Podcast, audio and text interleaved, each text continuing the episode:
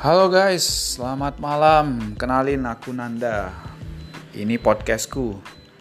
Podcast ini kita akan bahas mengenai kuliah versus bisnis. Akan ada banyak history, real history, dan akan ada sharing dan berbagi pendapat dan berbagi perspektif dari sisi aku. So, kalian harus dengarkan, kalian harus cermati dan mari kita berbagi perspektif berbeda untuk sesuatu yang lebih baik. Thank you guys. Selamat mendengarkan.